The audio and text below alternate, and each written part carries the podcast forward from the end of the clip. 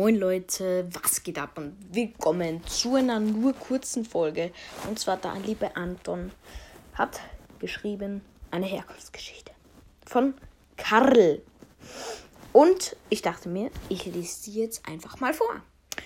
Karl war wie jeden Tag in seiner Werkstatt und bastelte irgendwelche Sachen. Gestern zum Beispiel hatte er einen vollautomatischen Rasenmäher gebaut. Er dachte, hm, was soll ich da was soll ich damit tun? Vielleicht könnte ich irgendwas bauen, mit dem ich die Welt retten kann. Es gibt ja in vielen Ländern Krieg. Da könnte ich eine Bombe bauen, die noch mehrere Minen, Minen wirft. Karl war wie verrückt geworden. Er, schaute, er, er schuf diese Bombe und nannte sie Tick. Außerdem baute er auch noch eine ultimative Waffe ein. Dick konnte seinen Roboterkopf abnehmen und sie auf Feinde schmessen. Karl hatte jegliche Absicht verloren, so böse dachte er.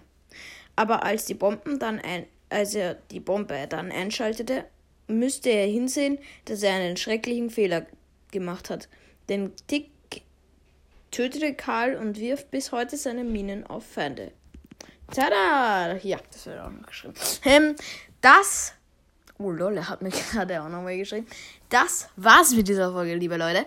Und ja ich finde diese Geschichte extrem nice. Sie war jetzt zwar nicht lang, aber echt, echt geil. Also Leute, das war's mit dieser Folge. Ich hoffe, es hat euch gefallen und ciao, ciao.